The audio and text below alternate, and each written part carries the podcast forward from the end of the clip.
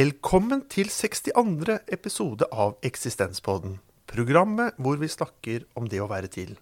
Mitt navn er Erling Berrum, og i dag har jeg fått besøk av Truls Wyller. Takk for at du ville komme. Selv takk.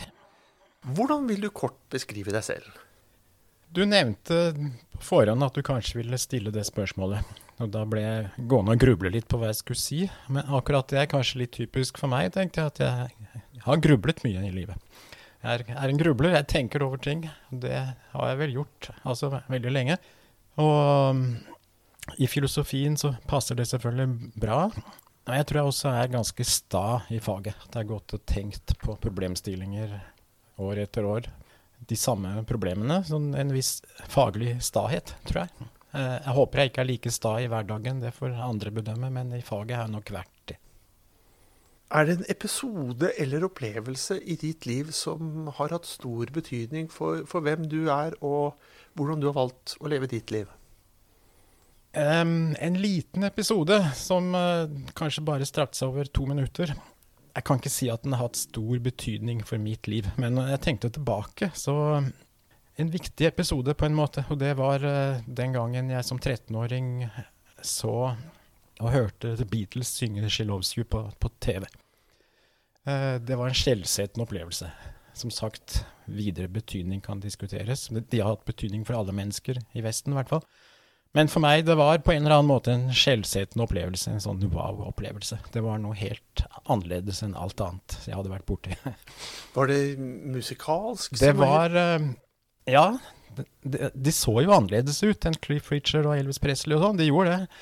Men likevel, musikken var jo det viktigste. Og jeg syns jeg merket allerede den gangen, første gang jeg hørte dem, at det, det, var annerledes musikk. Det var noe spesielt med den. Kanskje små ting som gjorde det, men det, det var noe spesielt med den musikken. Du har også blitt bedt om å velge ut en grunnleggende dimensjon ved det å være til som menneske. Og hva har du valgt som tema for dagens program? Den grunnleggende dimensjonen kan man kanskje si er at vi er subjekter. Og da i kontrast til det å være et objekt. Et menneskelig subjekt. Og vi har en refleksiv bevissthet om oss selv som subjekter. Hvis du kan beskrive den refleksive bevisstheten litt nærmere, hva handler den om? Hovedpoenget er at den bevisstheten er helt annerledes enn alt vi kan ha empiriske teorier om. Empiriske teorier basert på observasjoner, data, generaliseringen ut fra det, det er objektbeskrivelser på den måten får vi aldri tak på hva et menneske er, rett og slett. Altså hva som gjør oss til mennesker. Som levende organismer så har vi en selvbevissthet, en bevissthet om vår egen bevissthet, som ikke er et objekt, men som, som mer er en handlings- og følelses- og aktivitetsbevissthet da, som levende organismer. Og Det kaller jeg refleksiv bevissthet. Og faren med veldig mye moderne vitenskap, spesielt hvis man overfører biologi og annen naturvitenskap til å forstå hva et menneske er, og nøyer seg med det. Faren med det er at vi igjen, da igjen reduseres til objekter. Man får ikke tak på det refleksive. Når det gjelder kunnskap om hva som gjør oss til mennesker, så er den refleksiviteten som kommer til uttrykk at jeg og du tilsvarende, vi lever her og nå. Det er ikke bare tilleggsopplysninger til det å vite hvem vi er, men det er en del av å vite hva det vil si å være et menneske. Men vi vet ikke hva et menneske er hvis vi ikke vet at jeg er et menneske, eller vi er mennesker, og vi lever her og nå. Det er jo også et begrep eh, som omtales som selvbevissthet. Ser du noe forskjell? Er det noe av det samme når du gjør bruk av ordet refleksiv bevissthet? Ja, jeg mener at menneskelig selvbevissthet er refleksiv. Det er ikke sånn at vi har en, et, et jeg, en slags åndelig substans, som vi kan ha objektkunnskap om. Så når jeg har kunnskap om stoler, tavler osv., så, videre, så er det en bevisst aktivitet om noe som ikke selv har bevissthet. Men når, jeg har kunnskap om min egen bevissthet, så har jeg ikke kunnskap om et objekt. For da er kunnskapen og den er om det samme. Jeg tenker at det er et mer grunnleggende nivå av selvbevissthet som, som eh, vi, vi opplever hele tiden. Uavhengig av å vende oppmerksomheten mot oss selv. Så Eksempelet jeg brukte i sted med å ha bevissthet om en stol eller om en tavle, så er det tavlen og stolen som, som jeg har oppmerksomheten rettet mot, ikke mot meg selv. Men likevel, så når jeg har kunnskap om stolen, eller om tavlen, så er den, den kunnskapen refleksivt om seg selv også. Jeg er meg bevisst å vite noe om stolen. Ja. Ikke som et objekt, men om stolen. Men jeg er meg det bevisst. Og den bevisstheten mener jeg vi har i hele vårt våkne liv. Så du tenker også at vår bevissthet om ting, det er også en refleksiv handling, hvis jeg forstår deg rett? Ja. Så du kan gå litt inn på forskjellen mellom å være refleksivt bevisst om omverdenen og det om seg selv. For det blir litt mer utfordrende når vi skal være bevisste om oss selv. Ja, jeg tenker jo at det blir seg mest mulig bevisst hvem vi egentlig er. Bli seg mest mulig bevisst sin egen bevissthet. Det er en slags annenordens bevissthet. da. Mens det jeg kaller den grunnleggende eller førsteordensbevisstheten, er som sagt noe vi, vi har hele tiden. Og det, det, som jeg tror kanskje kan uh, være en fruktbar tilnærming til det, det er å først se at allerede organisk liv er, har en sånn refleksivitet. da. Fordi uh, det som kjennetegner levende ting, til forskjell fra døde ting, tror jeg mange altså Det mente jo Aristoteles, i hvert fall, og det tror jeg mange biologer i dag også har, inntrykk av mener noe lignende. Det er at livet er en, eh, det er en forbrenningsprosess, akkurat som en flamme. Men i tillegg så er det sånn at forbrenningen skaper eh, noe som omgir flammen. Eh, omgir forbrenningen, altså en membran.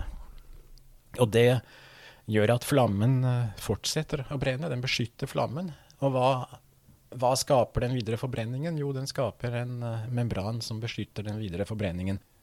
Så det er en sånn sirkulær struktur i det. Og mm. det, det, betyr at liv skaper og reproduserer seg selv. Seg selv. Det er en form for refleksivitet. Så på det helt grunnleggende nivået der, så er det en refleksivitet som er en absolutt nødvendig forutsetning for å snakke om menneskelige følelser og tanker og engasjement i verden. Og det, det illustrerer altså at refleksiviteten her er uh, på en måte en enkel ting som er uavhengig av uh, at man retter oppmerksomheten mot den, mot seg selv. Alle levende ting står overfor en omverden av objekter, men har et forhold til seg selv som ikke er et forhold til, til objekter. Det å være et menneske er å ha denne refleksiviteten. Og da til forskjell fra blomster og trær, en, en fornuftsrefleksivitet. Og der uh, forholder jeg meg ganske mye til den, uh, den store filosofiske tradisjonen i Vesten. Platon, Aristoteles, Kant og et par nyere tenkere. Og i Norge spesielt Hans Skjervheim.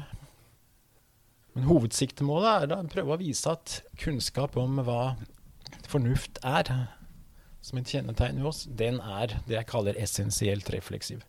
Det er uh, Fornuften er en kunnskap om seg selv når den bedømmer ting som mer eller mindre fornuftig.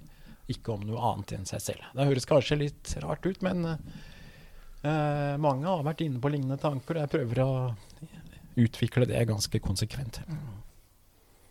Du må gjerne utdype litt hva du legger i det. Ja, jeg kan, tenkte jeg kan prøve å gjøre det ved hjelp av et veldig enkelt eksempel.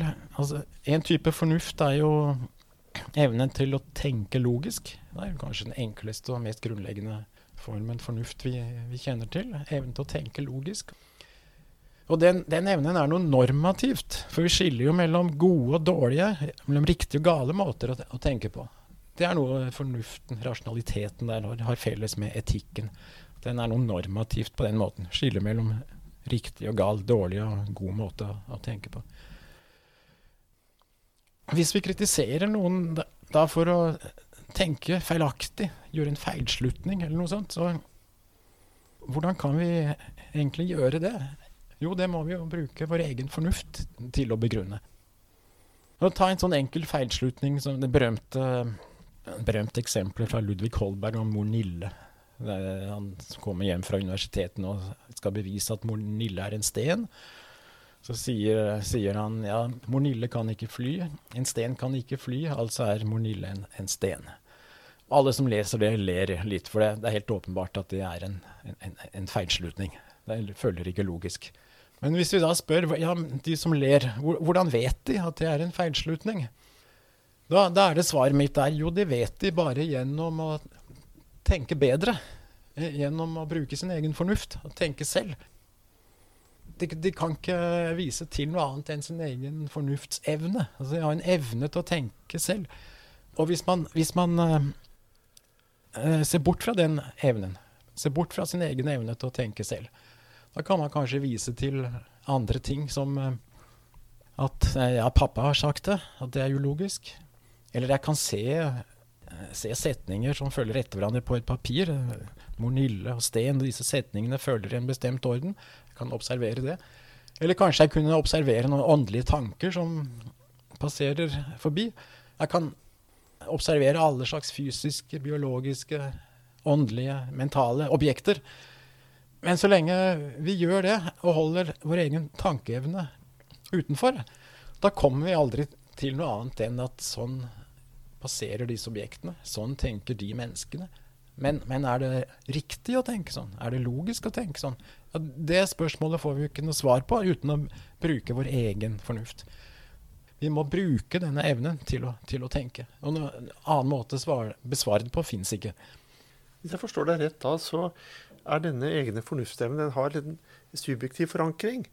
Og samtidig så eh, vil vi da ha en anvendelse av denne fornuften på vår objektive verden.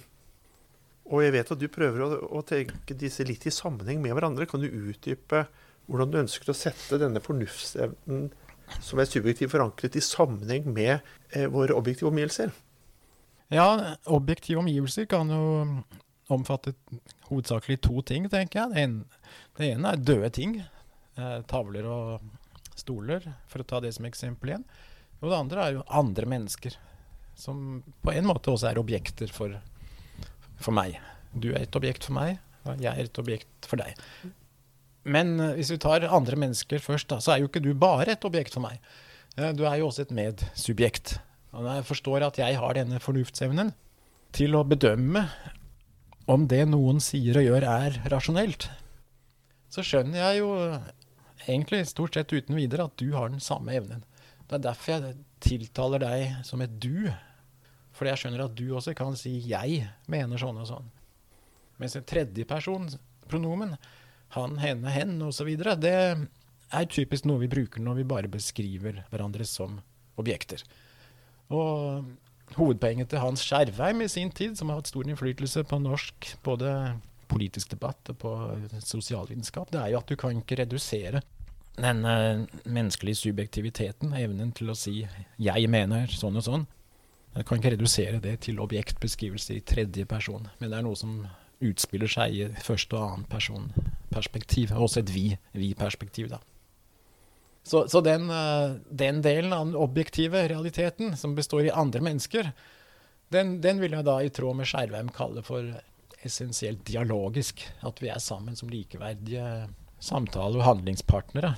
Eh, der vi bl.a. kan sammen forholde oss til døde ting men der det forholdet vi har til hverandre, er dialogisk som samtale- og handlingspartnere.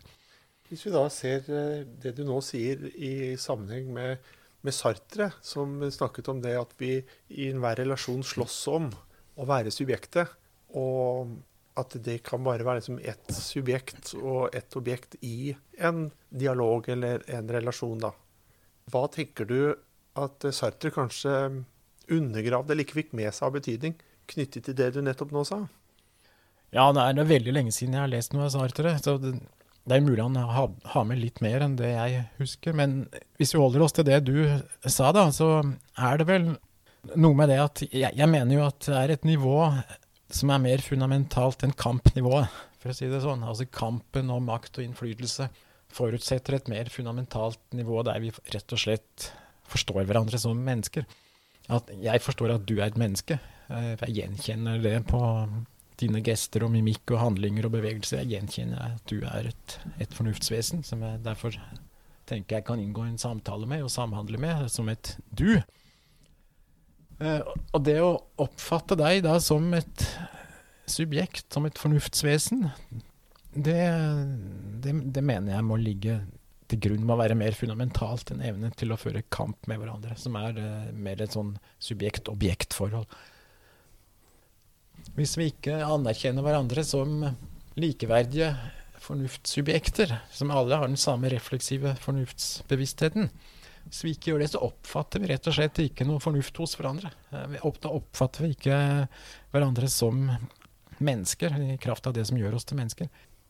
Og jeg tror eh, veldig mye eh, populærvitenskap bidrar til å fremmedgjøre oss fra det, dette perspektivet. Altså den grunnforutsetningen om at, at det er eh, det essensielle, det som gjør oss til mennesker, det får man ikke tak på i biologi og annen naturvitenskap. Det unndrar seg prinsipielt. Men- Mens eh, altså, medier, eh, tidsskrifter, aviser osv. De, de, de er jo gjennomsyret av en sånn populærvitenskapelig forestilling om at hva tanker er, kan vi finne ut ved å studere hjernen f.eks., eller utviklingsbiologi og andre ting. Så. En av de tingene jeg virkelig gleder meg over, det er at jeg ikke er alene på, på kloden. Og at jeg f.eks. har mulighet til å snakke med noen andre som meg, slik jeg gjør med deg nå. Og det tenker jeg liksom er en av de tingene som gir livet både mening og verdi. At vi kan dele det sammen. Ja, som Aristoteles formulerte veldig klart, vi er sosiale vesener. Og et liv helt alene er et amputert menneskeliv. Da går man glipp av det vesentlige. I og med at det er så grunnleggende det du viser til eh, i forhold til vår måte å være i verden sammen på, da, så tenker jeg ofte at konflikter handler om å ikke se hverandre og ikke respektere hverandre.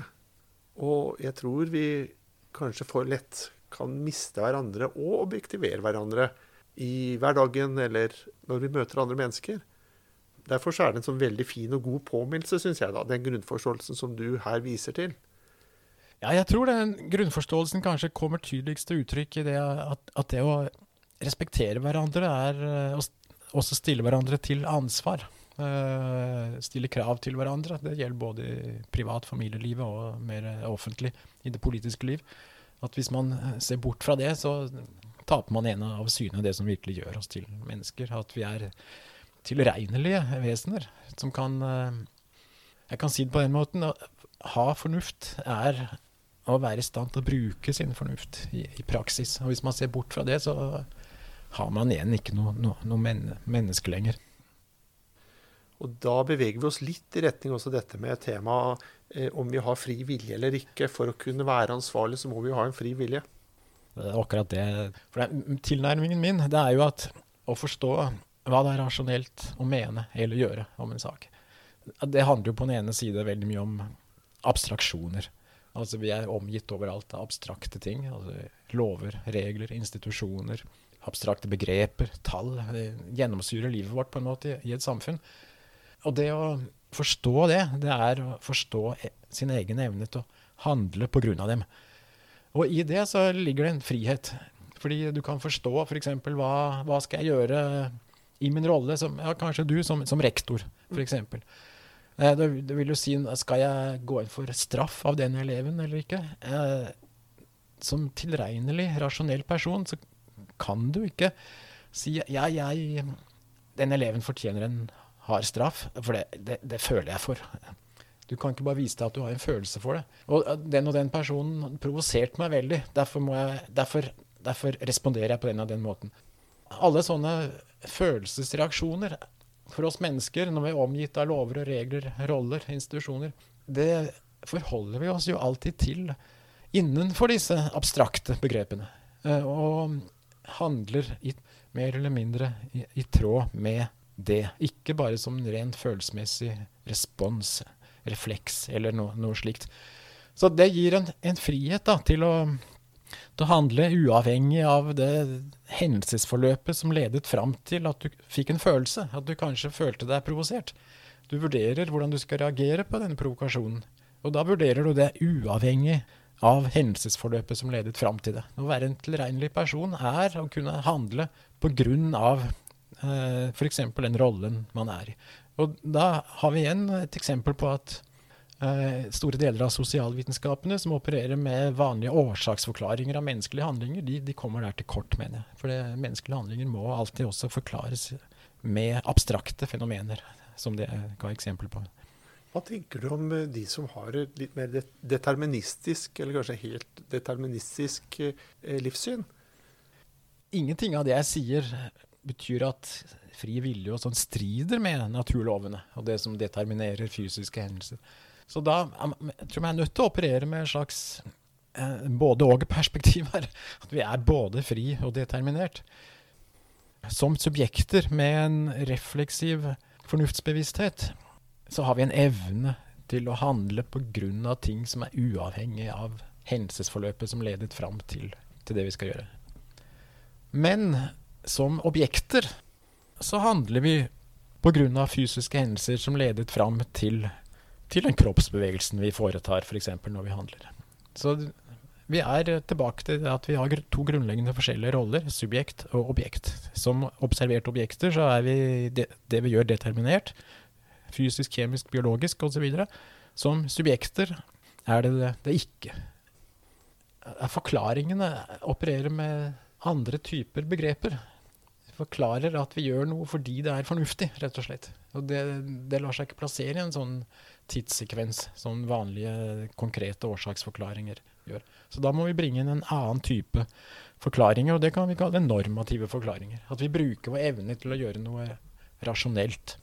Eh, eller eventuelt ikke leve opp til den evnen. Da kritiserer vi hverandre. Men det er i lys av den grunnleggende menneskelige evnen vi har til å gjøre noe rasjonelt.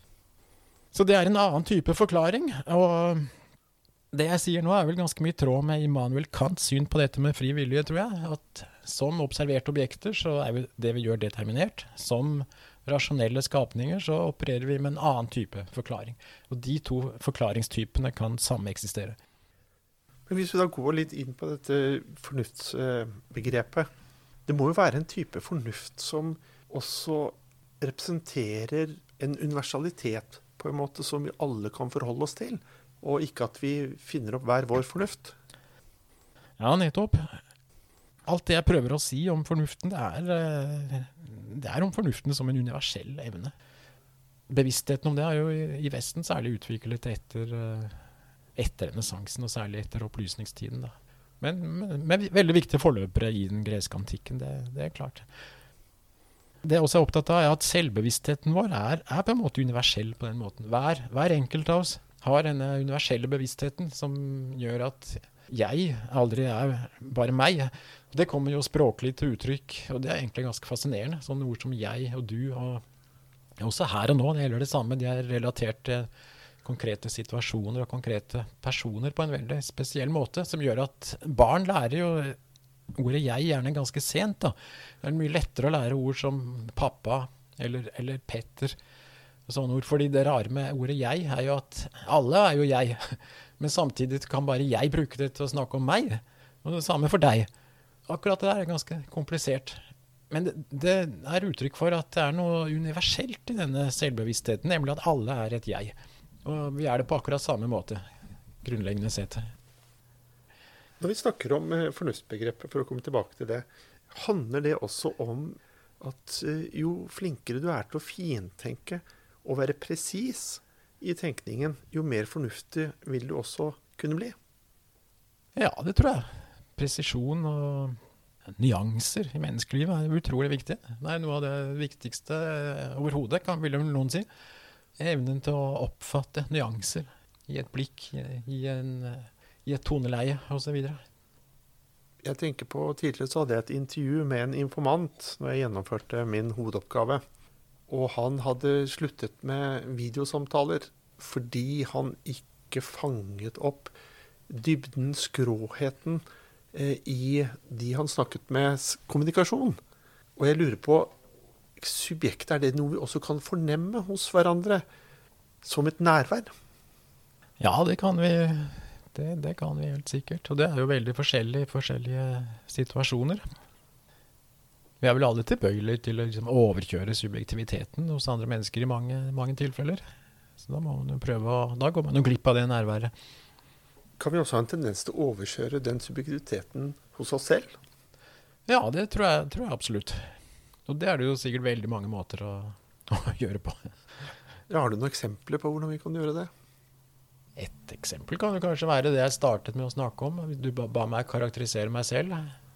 Jeg sa at jeg grublet mye, og jeg kunne være ganske sta i det jeg holder på med. Forfølge en problemstilling. Kanskje man kan bli fanatisk. Det er jo en fare. Så overkjører, overkjører seg selv. Er det å utsette seg selv for mye distrasjon også en måte å overkjøre sitt subjekt på? Ja, det er på en måte den motsatte tilnærmingen, ja. ja det, det, tror jeg også stemmer.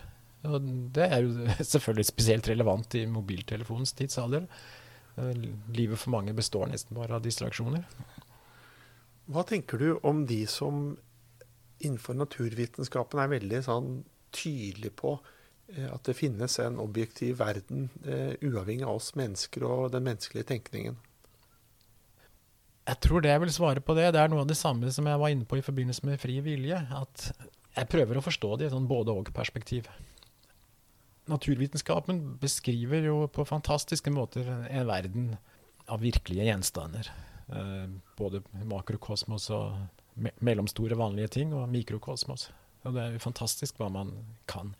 Og det, det er hva man har fått vite om det. Det er altså om den verden vi kan observere. Så som noe som er utenfor kroppen vår, utenfor organismen, som eksisterer uavhengig av organismen. Men jeg mener altså likevel at det er eh, sider ved menneskelivet som levende orga og rasjonelle organismer som man på den måten aldri vil få tak på. Og jeg går jo også et skritt lenger ved å si at en verden som uh, ser bort fra den menneskelige rom- og tidsbevisstheten, om at ting er plassert i forhold til vårt eget her og nå, en uh, beskrivelse av en sånn verden, den, den, blir på en måte en verden uten tid og rom. Tiden på en måte kollapser til, uh, til en statisk til statiske forhold mellom egenskaper uten noen, noen forandring.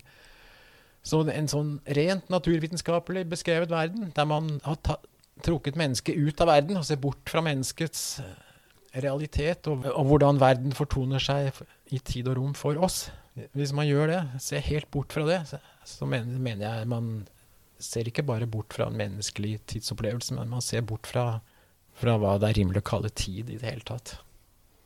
Det er jo gjerne slik at man kan operere med to forskjellige tidsforståelser, og sikkert mange flere også. Jeg tenker på mer den mer tingliggjorte tiden som er innenfor naturvitenskapen, og den mer litt organiske tiden vi har i vår opplevelse av verden. Det er jo liksom to forskjellige typer tider. Hvordan tenker, du de, hvordan tenker, du at de best balanseres? Ja, nettopp. Det er to forskjellige typer tider. Og det, det er vanlig å oppsummere den forskjellen med å si at i naturvitenskapen, Einstein selv bl.a. var veldig klar på det, så ordner man hendelser før og etter hverandre.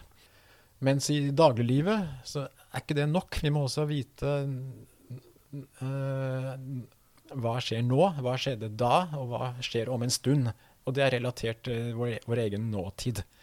Så det er de to forskjellige måtene å ordne tid på. da. Den, den eh, her og, eller den nå og snart og for en stund siden-måten. Det, det, er menneskets opplevde tid. Mens den mer anonyme eh, er naturvitenskapens tid. Og Da er vi tilbake til det jeg startet å snakke om. altså At vi lever her nå. Jeg lever her nå, du lever her nå. Det, det er den grunnleggende formen for menneskelig refleksiv subjektivitet som vi her også ser i, i tidsbevisstheten. Da. At vår menneskelige tidsbevissthet er alt relatert til, til nå, nåtiden, på en måte. Også hvis vi snakker om at no, noe skjedde Dinosaurene ble utryddet 50 millioner år før en annen hendelse i verden, så vet vi ikke når det skjedde, hvis vi ikke kan si at det er for 50 millioner år siden i forhold til vårt eget nå. Så der vil mange si at OK, vi har to forskjellige tidsbegreper. De har egentlig ikke noe med hverandre å gjøre. Men da er jo spørsmålet hvorfor kaller vi begge for tid? Er Det er ren tilfeldighet. Mens uh, det jeg tror er det riktige svaret, det er at det er god grunn til å kalle begge deler for tid. Men at det mest fundamentale tidsbegrepet er dette menneskelige tidsbegrepet. Fordi rent naturvitenskapelig er, er helt statisk, som sagt. Det er bare rekkefølger av ting som, som ikke forandrer seg.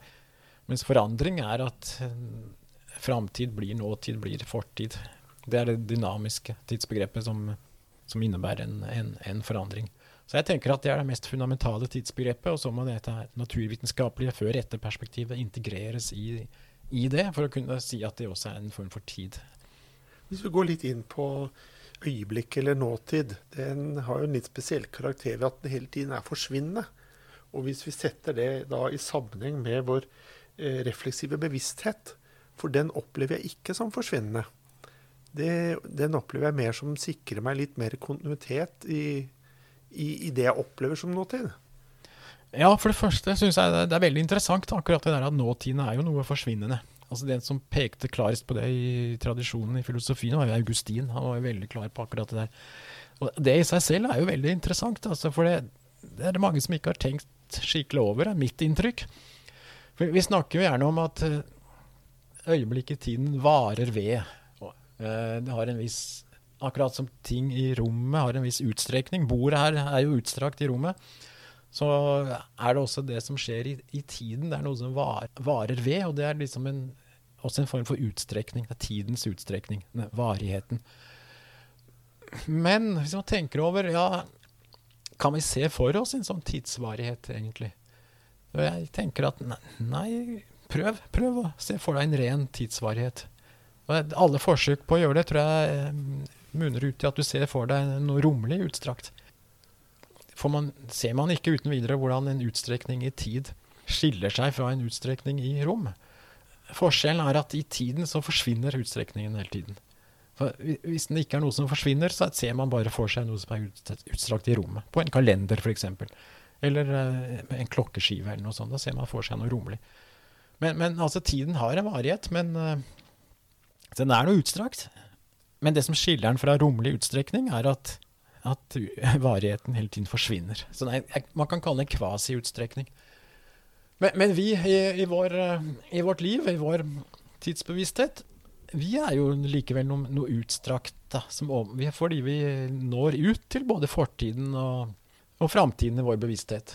Som, som, du var inne på. Så vi overskrider jo de bitte små øyeblikkene som hele tiden er der. Det blir jo vanskelig å beskrive nærmere, da. Men eh, på en eller annen måte så gjør vi jo det at vi har en Livet vårt utspilles selvfølgelig hele tiden innenfor en større horisont av fortid og, og framtid. Ikke bare eh, nåtidspunkter. Men den fortiden og framtiden, den er egentlig ikke noe annet enn en overgang fra en nåtid som hele tiden forsvinner. Heidegger han konkluderer jo mer eller mindre med at vi mennesker er tid. Og da tenker jeg litt på denne refleksive selvbevisstheten og, og min opplevelse av hvem jeg er. Vil det også da kunne si at det å være menneske er å hele tiden forsvinne? Ja, sånn sett så er det jo på en, på en måte det. Ja. Er det noe som men, kan... men vi er, lever jo, vi er jo ikke døde, da. Nei, så det er jo en forsvinnen innenfor livet vårt, da. Ja, men det er bare noe de, jeg har noen jeg ser på, på oss mennesker. Det ligger et vemod i oss. Ja. Om det kan ha noe sammenheng med måten vi er i verden på som tid. Ja, nettopp. Ja, det tror jeg er helt riktig. Ja. Ta avskjed med ting, med øyeblikker, med opplevelser. Det, det, ingenting varer. Ja, det ligger et vemod i det. Ja. Da er vi på slutten av dagens samtale. Da pleier jeg alltid å spørre om du har noen Eh, fyndord eller sitat som du har satt veldig stor pris på i din tid frem til nå? Ja, igjen så vet jeg ikke om jeg, det jeg kan bidra med er spesielt originalt. og ikke, Jeg kan ikke si at det har liksom preget meg på en dyp måte heller. Men det, det fins jo noen fyndord som er gode, uh, eh, syns jeg. Som, og blant de aller beste så vil jeg velge vil jeg vende tilbake til The Beatles. Ja. Uh, John Lennons 'Life is what happens to you while you're busy making other plans'. Da takker jeg deg for samtalen. Takk også deg som lytter for å ha fulgt oss denne gang. Vi høres igjen, og inntil da, ha det bedre enn bra.